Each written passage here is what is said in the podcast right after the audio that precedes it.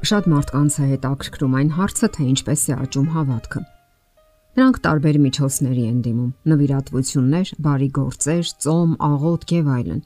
Այս բոլորը կարևոր են իհարկե, որpիսի աշխարհում ավելի շատ բարի գործեր լինեն, սակայն ամենակարևորը եղել եւ մնում է Աստծո հետ կապը, ամենօրյա փոխհարաբերությունը։ Պողոս Արաքյալը Եբրայեցիներին ուղված իր ուղերձում գրում է. Նայենք հավատի զորագլխին եւ այն կատարողին՝ Հիսուսին Իսկ նա էլ նշանակում է ամուր կապ ունենալ Աստծո հետ։ Դուք նկատել եք, թե ինչպիսի կառուցվածք ունի համակարգիչը կամ որևէ այլ բարդ սարքավորում։ Փորձեք կտրել նրա մեջ գտնվող որևէ փոքրիկ լար կամ հեռացնել մի փոքրիկ մաս։ Դուք իհարկե չեք փորձի, քանի որ հրաշալի գիտեք, որ սարքը պարզապես չի աշխատի, որովհետև բացակայում է կապը սարքի բոլոր մասերի միջև։ Ահա այդպես է նաև աճող հավատքի դեպքում Եթե բացակայում է մեր կապը Աստծո հետ, ապա մեր հավատքը երբեք չի աճի։ Հոգևոր կյանքի կարևոր սկզբունքներից մեկն այն է, որ մենք կարիք ունենք կապի, հոգևոր հաղորդակցման միջոցների։ Դրանք տարբեր են. Աստծո խոսքի ընթերցում, աղոթք, մեր արարքներն ու խոսքերը եւ այլն։ Իսկ ամենակարևորն այն է, թե ով է կանգնած մեր հավատքի հետևում եւ հիմքում։ Աստվածաշնչում կարդում ենք, որ մեր հավատքի զորագլուխը եւ կատարողը Հիսուսն է Նա է զորացնում մեր հավատքը, մեզ անցկացնելով փորձությունների ճանապարով։ Այդ ճանապարհներից մեկն էլ աղոթքն է։ Հիսուսը շատ անգամներ է խոսել աղոթքի մասին եւ մեկնաբանել աղոթքի էությունը։ Դրա լավագույն մեկնաբանություններից մեկը Փարիսեցու եւ Մաքսավորի մասին պատմությունն է։ Նրանք մարդկային տարբեր դասակարգերի էին պատկանում։ Մաքսավորը, որ հարկեր էր հավաքում, հрьяաների մեջ անարգ մարդու կարգավիճակ ուներ, որովհետև ծառայում էր Հռոմին իսկ փարիսեցիները բավականին հարգված էին,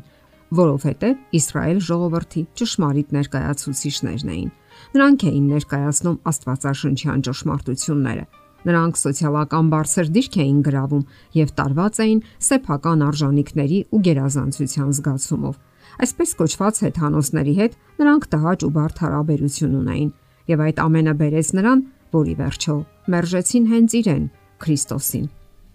Հարցը նաև այն է, որ նրանք երբեք չէին մտածում, որ հարստությունը, կրթությունը, դաստիարակությունը եւ Աստծուց ստացած այլ ապարքևներ հարկավոր է օգտագործել մարդկանց բարօրության համար։ Նրանք հպարտանում էին բարի գործերի փառքով եւ դա համարում էին իրենց սեփականը, այլ ոչ Աստծո ողորմություն, որ տրված է ուրիշներին ծառայելու համար։ Դրա փոխարեն նրանք իրենց բարձր էին դասում շրջապատի մարդկանցից։ Այդպես է նաև մեր օրերում երբ իրենց հոգևոր համարող շատ մարդիկ կապ չունենալով Աստծո հետ երբեք չեն աճում իրենց հավատքի մեջ։ Աստվածաշնչյան այդ նշանավոր պատմության մեջ Փարիսեցին շաբաթը երկու անգամ ծոմ էր պահում։ Ահա թե ինչու նա իր աղոթքը սկսում է ինքնամեծ արման խոսքերով, թվարկում է իր կատարած գործերը եւ նույնիսկ արհամարանքով է խոսում իր կողքին կանգնած Մաքսավորի մասին։ Իսկ ահա Մաքսավորը ոչինչ չի ասում։ Նա միայն իր կուրսքներ ծեծում, ասելով. Ով Աստված, ողորմիր ինձ մեղավորիս։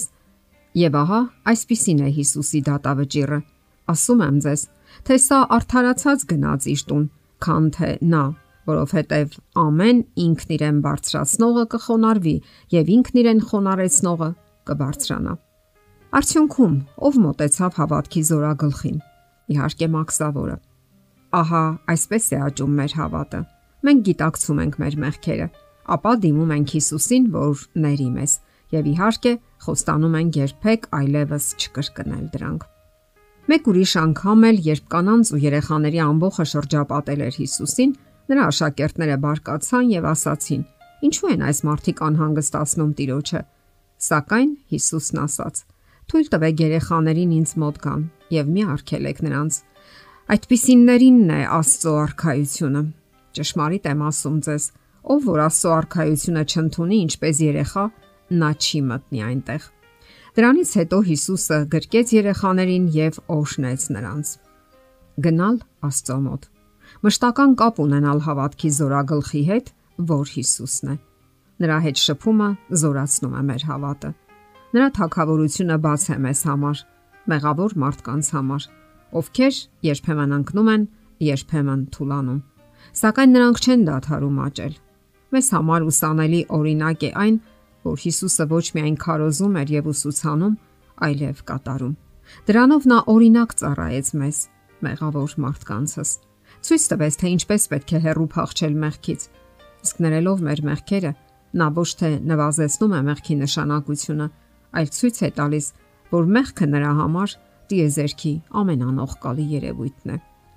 Ուրեմն հոգևոր կյանքի կարևոր կանոններից մեկը հավատքի անընդհատ աճն է ամբողջ կյանքի ընթացքում։ Ամեն օր մենք տարբեր փորձառություններ ենք ունենում եւ հարկավոր է անընդհատ բաց պահել հաղորդակցության միջոցները։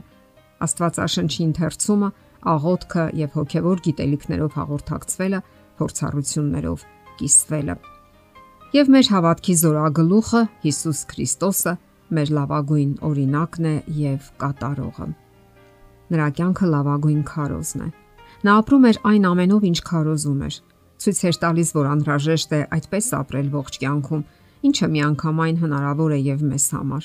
Հակառակ դեպքում մեզ սպասվում է հոգեվոր աղքատիկ կյանք։ Մարդը հաճախ ֆիզիկապես թեր սնվում է։ Այն դեպքում, երբ կարող էր օգտվել Աստծո ստեղծած հրաշալի բարիքներից, նույնը հոգեվոր կյանքում է։ Աստված բոլոր հնարավորությունները տվել է իր ապարքեված լավագույն շնորհներից օգտվելու համար։ Այո, Քրիստոսը գիտի ինչպես աճեցնել մեր հավատը եւ զորացնել մեզ։ Նայենք հավատի զորագլխին եւ այն կատարողին Հիսուսին։ Կարդում ենք Աստծո խոսքում եւ դա լավագույն հորդորն է ու մեր փրկության գրավականը։ Եթերում է ղողանջ հավերժության հաղորդաշարը։ Ձեզ հետ է Գեղեցիկ Մարտիրոսյանը։ Հարցերի եւ առաջարկությունների համար զանգահարել 033 87 87 87 հեռախոսահամարով։